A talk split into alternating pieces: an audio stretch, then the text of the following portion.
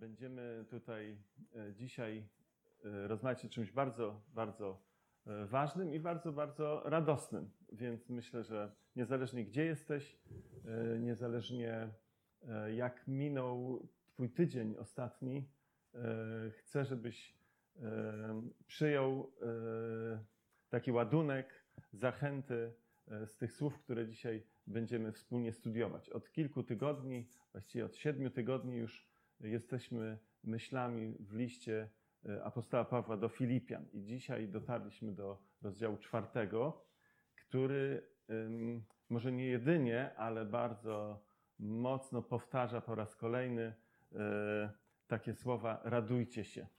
I będziemy chcieli e, rozmawiać o radości, o tym, co jest jej źródłem. Będziemy starali się też patrzeć na rady apostoła Pawła właśnie do Filipian, jak się z tą radością obchodzić, skąd ją w ogóle wziąć i jak ją ochronić przed tym, co, e, co, co jej grozi. Bo wiemy, że e, temat radości e,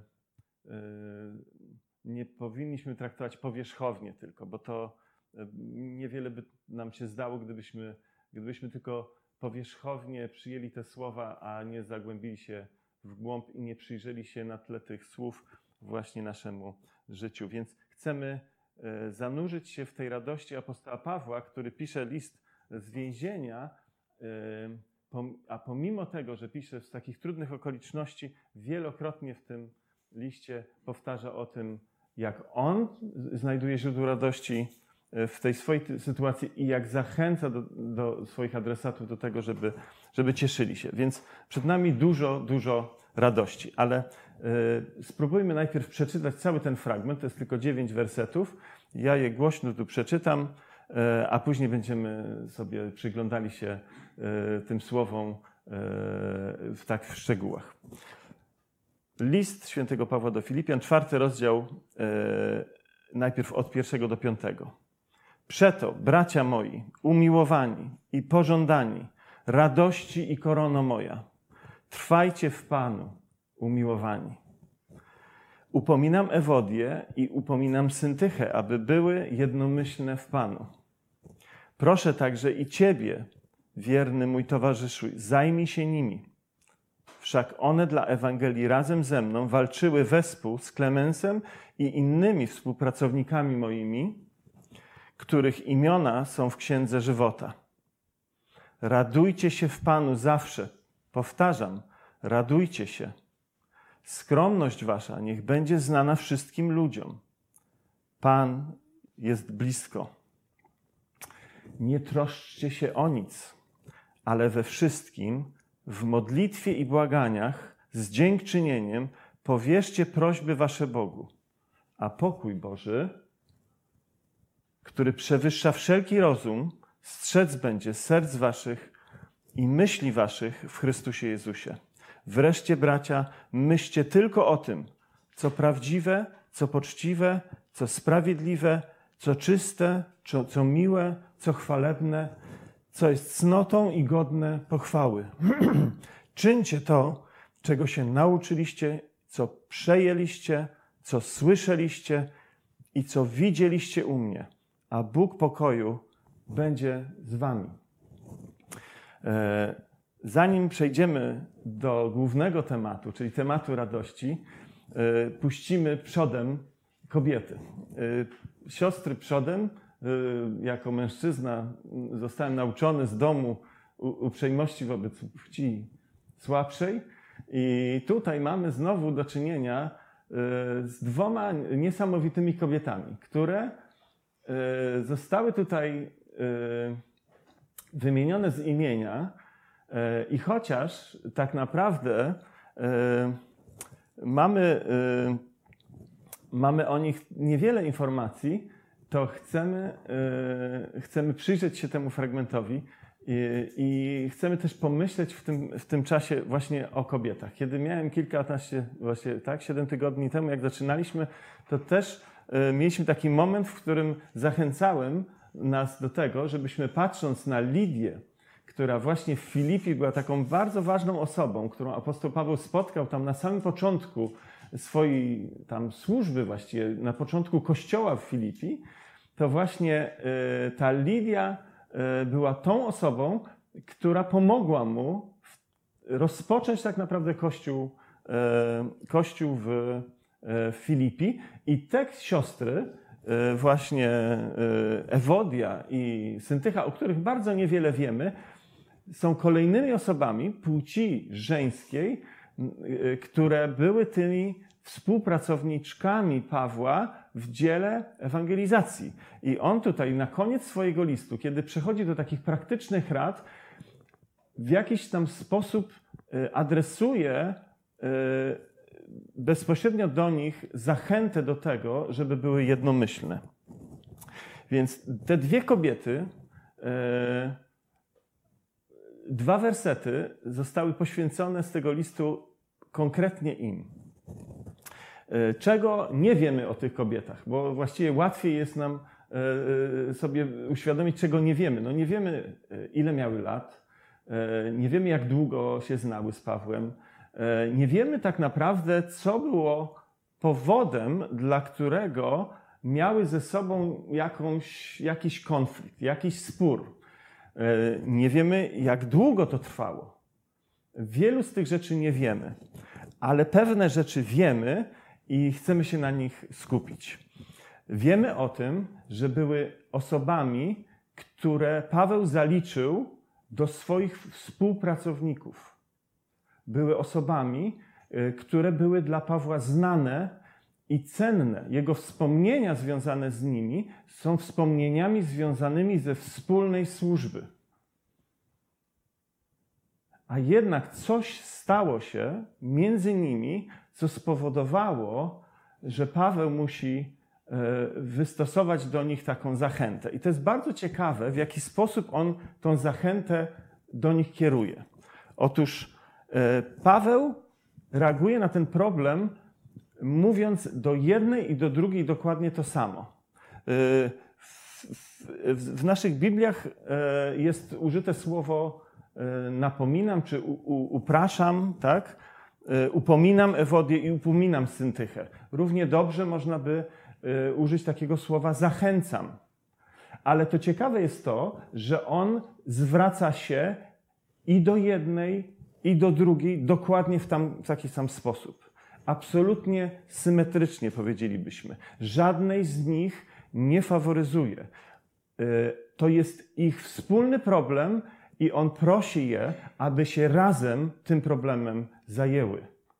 I to jest jedna rzecz, którą robi. Zwraca się do jednej i zwraca się do drugiej i mówi: Słuchajcie, musicie zrobić z tym porządek. Zresztą temat jednomyślności w tym liście już wcześniej się pojawia yy, i, i widać, jak bardzo w ustach apostoła Pawła wysoko jest postawiona ta cecha Kościoła, w której Kościół współdziała w harmonii w, w, w której ludzie wierzący potrafią odłożyć jakieś rzeczy, które ich różnią, po to, żeby się skupić na tym, co najważniejsze i jak ta jedność, jednomyślność e, e, daje Kościołowi siłę do tego, żeby dokonywać e, rzeczy, do których Bóg nas powołał.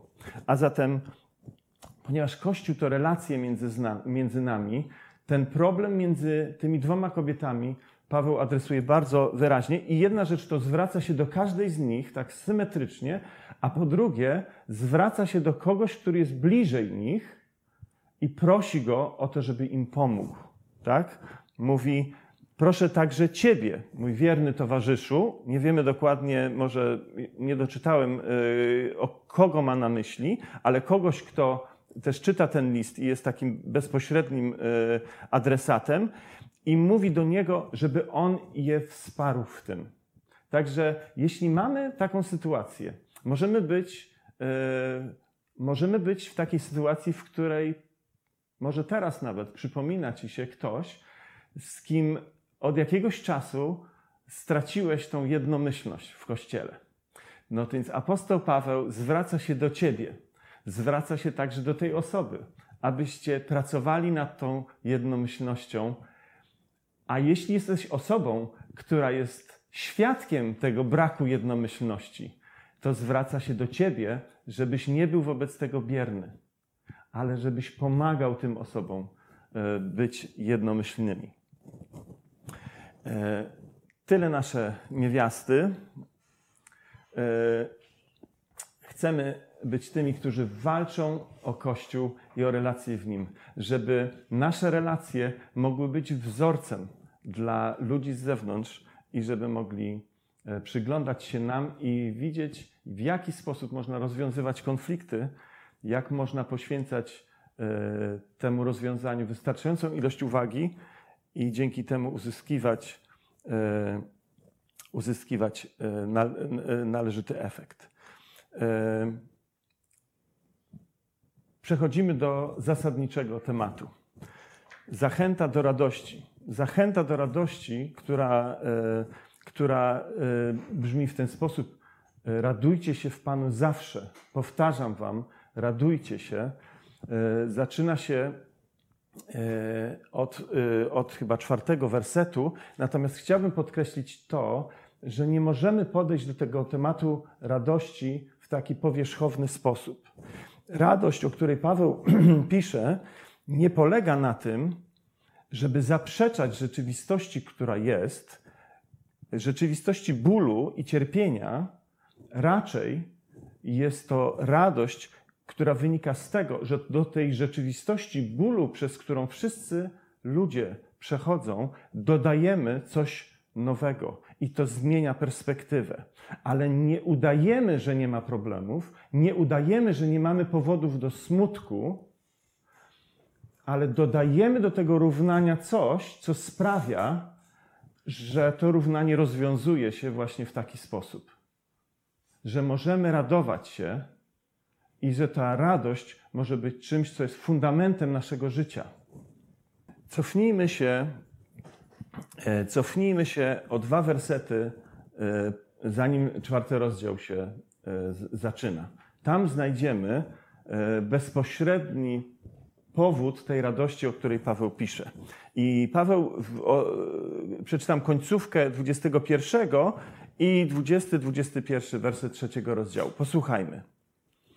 Myślą bowiem o rzeczach ziemskich, i to jest końcówka opisu ludzi o których pisze wcześniej, a później pisze tak. Nasza zaś ojczyzna jest w niebie. Skąd też Zbawiciela oczekujemy, Pana Jezusa Chrystusa, który przemieni znikome ciało nasze w postać podobną do uwielbionego ciała swojego, tą mocą, którą też wszystko poddać sobie e, może. E, więc musimy przypomnieć sobie o naszym miejscu. Paweł nazywa to miejsce naszą ojczyzną i mówi, bo nasza ojczyzna jest w niebie. Za każdym razem, kiedy modlimy się wspólnie e, modlitwą pańską, mówimy Ojcze nasz, który jest w niebie, to mówimy o tym właśnie miejscu. To miejsce jest naszą ojczyzną. I apostoł Paweł mówi: tam należysz. To jest Twoje miejsce. To jest miejsce, do którego zdążasz, to jest miejsce, na które na Ciebie czeka. I, I musimy ciągle na nowo przypominać sobie, gdzie jest moje miejsce. E, po drugie, musimy ciągle przypominać sobie, kto jest naszym wybawicielem. Skąd to się bierze? że to miejsce możemy nazywać własnym, że to ten, który przyszedł dla nas na ziemię po to, żeby umrzeć za nasze grzechy, on jest naszym wybawicielem. Znamy go, wiemy o nim i o nim musimy pamiętać. On jest źródłem tak naprawdę naszej radości. A nasze ciała, a co z naszymi ciałami? Co z tym, że wstaję codziennie rano i e, wiąże się to z odczuciem jakiegoś już dyskomfortu. I za każdym razem, za każdym tygodniem, miesiącem, rokiem y, trudniej mi się wstaje. Co, co z moim ciałem? I Paweł y, pisze, tak, ono zostanie przemienione. I będzie to zrobione dokładnie tak samo, jak byliśmy świadkami, że ciało Jezusa zostało przemienione. Pomimo tego, że umarł, zmartwychwstał i jego ciało nie podlegało już e, tym prawom fizyki, które podlegają nasze ciała. I to jest część naszego poglądu na świat. To jest coś bardzo, bardzo ważnego, bez czego czytanie kolejnych fragmentów, kolejnych wersetów i doszukiwanie się możliwości tego, tej radości e, jest niemożliwe po prostu. I Paweł zaczyna dalej mówić tak. Przeto bracia moi umiłowani i pożądani, korono moja i radości, trwajcie w Panu umiłowani. Dlaczego Paweł nazywa ich swoją radością? Nazywa też ich swoją koroną. Co to jest, co to jest za myśl? Skąd u Pawła taka nazwa dla nich? Już powiem Wam skąd. Bo Paweł jest myślami w przyszłości, w której oni, Filipianie, docierają do swojej ojczyzny. On już jest tam. Bóg ich wita, a Paweł mówi do Boga: Znam tych ludzi. A Bóg mówi: Wiem. Wiem, że ich znasz, bo wiem, jak to się stało, że oni tu trafili. I to jest źródło Pawła radości. Ich nazywa swoją radością. Dlaczego? Dlatego, że jego myśli są już tam, na mecie. I nie możemy mieć radości, o której Paweł pisze, myśląc, yy, nie myśląc o mecie. To jest naprawdę yy, coś bardzo przemawiającego yy, z tego fragmentu. Oni są nazwani jego koroną. Wiadomo, korona, yy, korona to, to coś, co wieńczy, korona to, to, to coś, co, co, co nadaje nam znaczenia. Paweł mówi, to wy właśnie, ten właśnie moment w przyszłości spra sprawia, że moje serce wypełnia się radością. I następuje później, yy, następuje później, następują później słowa, które mają Filipian zaopatrzyć na drogę pomiędzy tym momentem, w którym są aktualnie, a tym momentem, w którym on jest już e, na mecie. Czyli pomiędzy tym dzisiaj, a tą przyszłością chwalebną, którą dzięki Jezusowi jest ona nasza, jest droga do przebycia. I apostoł Paweł chce ich zaopatrzyć na tą drogę i podaje im właśnie takie e, słowa. I te słowa są pewnego rodzaju e, kanapką. E, kiedy mówi w piątym wersecie, skromność wasza niech będzie znana wszystkim ludziom, to później w szóstym wersecie jest napisane: Nie troszcie się o nic, ale we wszystkim, w modlitwie i błaganiach z dziękczynieniem powierzcie wasze prośby Bogu, to to jest jedna myśl, tak naprawdę. To jest jedna myśl. Nie we wszystkich tłumaczeniach jest to y, oddane w taki sposób, wydaje mi się, jaką intencję miał autor, ponieważ y, te słowa niech będzie znana powtarzają się w Grece y, także odnośnie modlitwy do Boga. Jak, można by to przetłumaczyć w ten sposób. Niech, wasze, nie, niech wasza skromność będzie znana wszystkim ludziom, a wasze troski w modlitwie niech będą poznane Bogu. I to jest, to jest bardzo wyraźnie widoczne, jak, jak e, my jako wierzący mamy przychodzić z naszymi problemami i zanosić je nie innym ludziom, tylko mamy je zanosić Bogu. Tak? my mamy oczekiwać nie od ludzi tego, żeby oni się zmienili, żeby zmieniła się nasza sytuacja. Przed nimi naszym obowiązkiem jest to, żeby oni nas postrzegali nie jako tych, którzy są roszczeniowi, tylko jako tych, którzy są jacy? Skromni. Skromni. Pomyślmy o tym. Mamy być dla wszystkich ludzi skromni. Co to znaczy? Czy jeśli wpadasz do sklepu po tym, jak odkryłeś, że, yy, że kasjerka cię yy, pomyliła się i skasowała cię podwójnie za jakiś produkt, czy ci ludzie, którzy stoją i patrzą, jak rozmawiasz z kasjerką, czy powiedzieliby o tobie, o jaki skromny człowiek?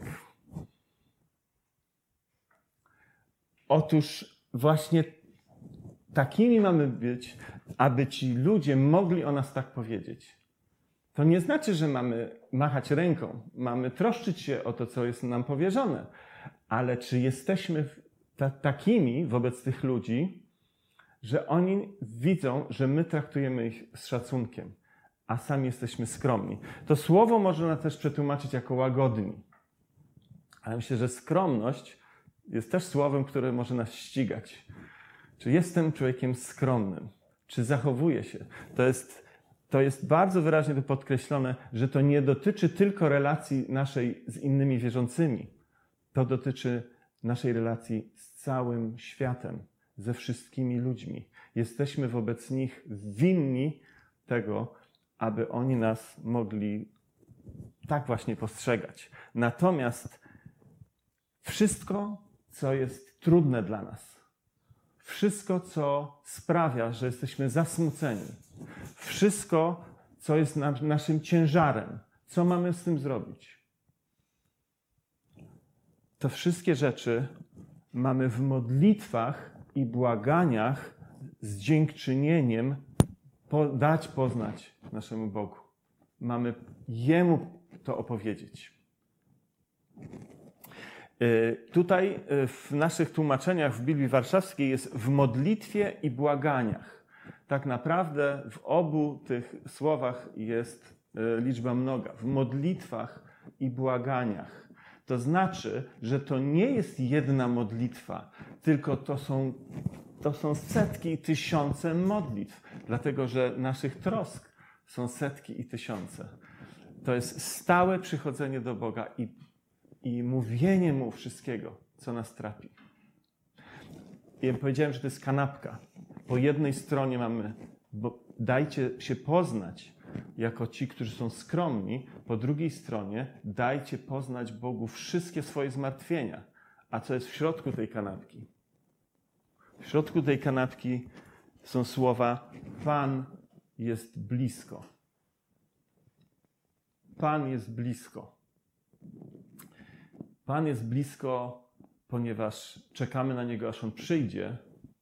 Pan jest blisko, dlatego że powiedział: Będę z Wami przez wszystkie dni, aż do skończenia świata.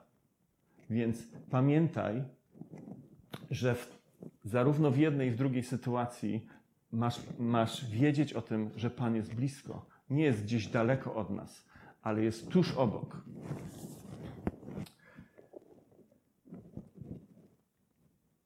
Efektem tego, jak apostoł Paweł mówi, ma być pokój, który y, w naszym życiu y, staje się rzeczywistością, która wypiera y, to, co jest jego przeciwieństwem, czyli niepokój. I efektem tej, tego zawierzenia Bogu, tego, tej, tej właściwej postawy, że my nie oczekujemy od innych, tylko oczekujemy pomocy od Niego, będzie ten pokój Boży. To jest pokój Boży. Jak myślę o sytuacji, która genialnie e, pokazuje, jak to jest mieć Boży pokój, to przypomina mi się historia e, burzy na morzu i Jezusa, który śpi na łódce. To jest po prostu całkowicie e, nie, niesamowite. Jezus śpi, czyli ma całkowity pokój. W ogóle się nie stresuje tą sytuacją. Ma na tyle, jest, jest na tyle wyciszony, że jest w stanie zasnąć. Uczniowie przychodzą do niego i budzą go, ponieważ oni w takiej sytuacji nie są w stanie nie tylko zasnąć, oni nie są w stanie robić nic innego, jak tylko martwić się o to, że zaraz zginą. A Jezus mówi do nich co? Co wy? Wiary nie macie? Więc y, ten pokój, który przewyższa wszelki rozum, to jest pokój, który można mieć tylko i wyłącznie będąc w perspektywie Bożej. I on jest Bożym zaopatrzeniem dla nas wierzących, kiedy składamy nasze ciężary na Niego i jest tu napisane, że On przewyższa wszelki rozum. Czyli to nie jest tak, że my mamy pokój dlatego, że rozumiemy, albo mamy pokój dlatego, że okoliczności się zmieniły. Ale On jest pomimo tego, że nie wiemy i pomimo tego, że okoliczności się jeszcze nie zmieniły. I jest powiedziane, że On będzie strzec naszych serc i naszych myśli e, w Chrystusie. Jak być spokojnym e, podczas burzy?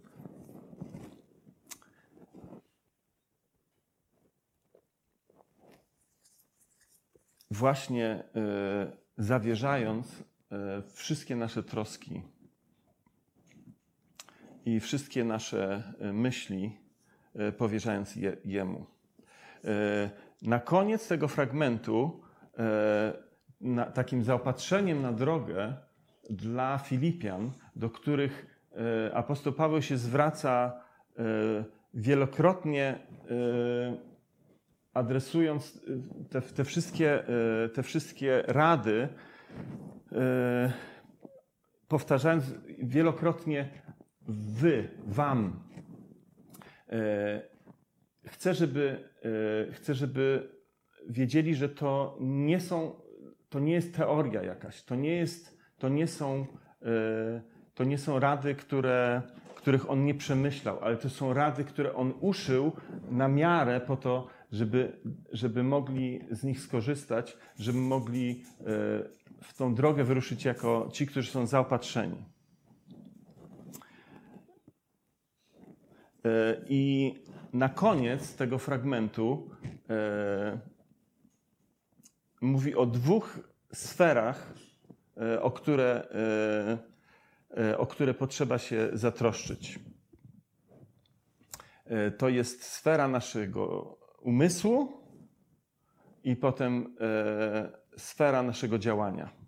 Czyli mówi, że to, co potrzebujecie, to potrzebujecie być zajęci, być, nie być bierni, y, nie stać w miejscu, y, tylko, tylko być aktywnymi w tych konkretnych rzeczach. I pierwsza z tych rzeczy to jest dziedzina umysłu. I, I apostoł Paweł mówi tak: Wreszcie, bracia, myślcie tylko o tym, co prawdziwe, co poczciwe, co sprawiedliwe, co czyste, co miłe, co chwalebne, co jest cnotą i godne pochwały. I tutaj wielokrotnie powtarza to słowo co. Co, co prawdziwe, co poczciwe, co sprawiedliwe, co czyste. To mi się skojarzyło z takim, z takim procesem przygotowywania potrawy. Tak? Myślimy sobie, siadamy, zastanawiamy się, potem stajemy przed, przed e, kuchenką i myślimy sobie, co bym tutaj wrzucił. Wrzucę trochę tego, coś y, ostrzejszego, później trochę, trochę na przykład słodkiego. Wybieramy i komponujemy potrawę, o której chcielibyśmy, żeby nam smakowała, czy smakowała tym, który, dla których ją przyrządzamy. I tu Paweł używa podobnego obrazu. Wybierz, wybierz, wybierz, wybierz. A jakie to rzeczy są, które wybieramy? jakie to rzeczy są, które apostoł Paweł chce, żebyśmy wybrali. To są, to, jest, to są rzeczy, które dotyczą sposobu naszego myślenia. To są rzeczy, które opisują, o czym myślimy. I zaczyna od tego, żebyśmy myśleli o tym, co prawdziwe. Teraz chciałbym zadać nam jedno pytanie. Czy prawdziwe jest to, że chrześcijanie są mordowani w niektórych krajach i prześladowani. Prawdziwe, prawda? Wiemy o tym, że tak jest. Czy prawdziwe jest też to, że ułamek sekundy po tym, jak rozstają się z życiem, stają przed swoim Panem i wchodzą do wiecznej radości, E, Jezus wita ich po tamtej stronie i ich problemy i troski e, należą już do przeszłości. Czy to jest też prawdziwe? Jedna i druga rzecz jest prawdziwa, tylko że ta pierwsza bez tej drugiej nie mogłaby być e, przez apostoła Pawła e, tu w tym fragmencie wyliczona. Bo pół prawdy to już jest nieprawda. I jeśli Paweł mówi, że mamy myśleć o tym, co prawdziwe, to potrzebujemy budować tą prawdę e, w całym horyzoncie. Nie tylko skupiać się na jednej jakiejś rzeczy. Może nam jest łatwiej się skupić na tym, że ci ludzie giną, że jest mnóstwo nienawiści. Co, co by tu zrobić, żeby, żeby temu zapobiec? Modlimy się o nich. To wszystko jest jak najbardziej zasadne, ale potrzebujemy ten horyzont rozszerzać. E, pomyślałem sobie ostatnio, gdybym e, miał zrobić wykres swojego życia, przedstawić taką linię i na tej linii zaznaczyć moment swojej śmierci. Myślę sobie, tu gdzieś tam się urodziłem, tak? I teraz gdzie ja zaznaczę? No, no nie zaznaczę tego na samym końcu, no bo przecież jestem chrześcijaninem, nie? Zaznaczę tuż przed końcem i tu, a co tam dalej jest? No tu jest wieczność. No dobrze, tylko jeśli wieczność, to czemu jej dałem tylko tyle na tym wykresie? W naturalny sposób mamy tendencję do tego, żeby patrzeć na nasze życie tutaj. A Bóg ciągle i ciągle chce, żebyśmy spojrzeli szerzej, spojrzeli na wieczność.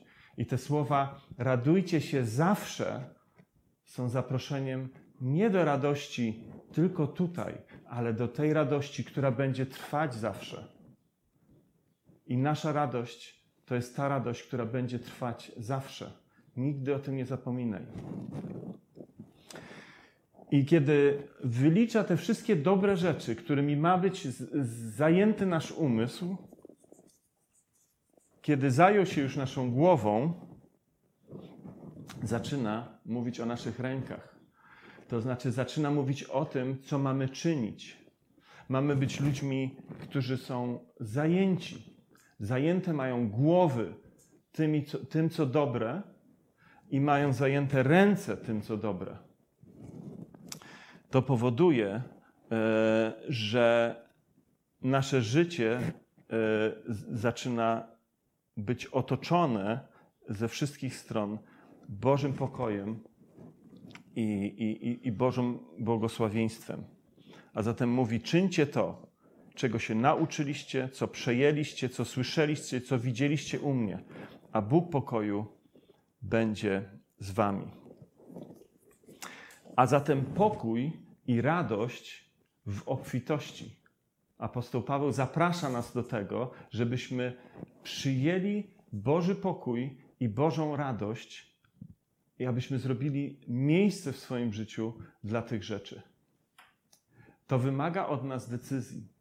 To wymaga od nas odwrócenia się od pewnych rzeczy i zwrócenia się ku innym rzeczom. I musimy, e, musimy wiedzieć, że to jest proces podobny trochę do budowy, w, którym, w której podejmujemy decyzje o kolejnych cegłach, które stawiamy. Przyglądajmy się tym cegłom, które kładziemy na budowli naszego życia. Niech one wszystkie e, będą tym, co przejdzie test tych słów, które apostoł Paweł do nas dzisiaj wypowiada. Budujmy cegła po cegle z właściwych materiałów, a radość i pokój, a radość i pokój przyjdą, otoczą nas i będą nas strzegły. Ponieważ ten, ten, ten pokój i ta radość tak naprawdę są tym, co płynie z głębokości i bliskości naszej relacji z naszym Panem.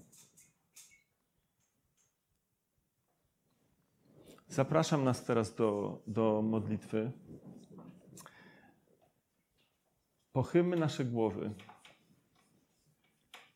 W naszych, e, w naszych sercach stańmy przed naszym Panem. Dziękujmy Mu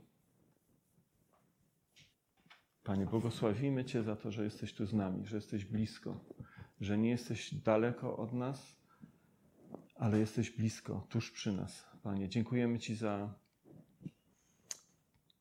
za wszystkie y, momenty, w których, y,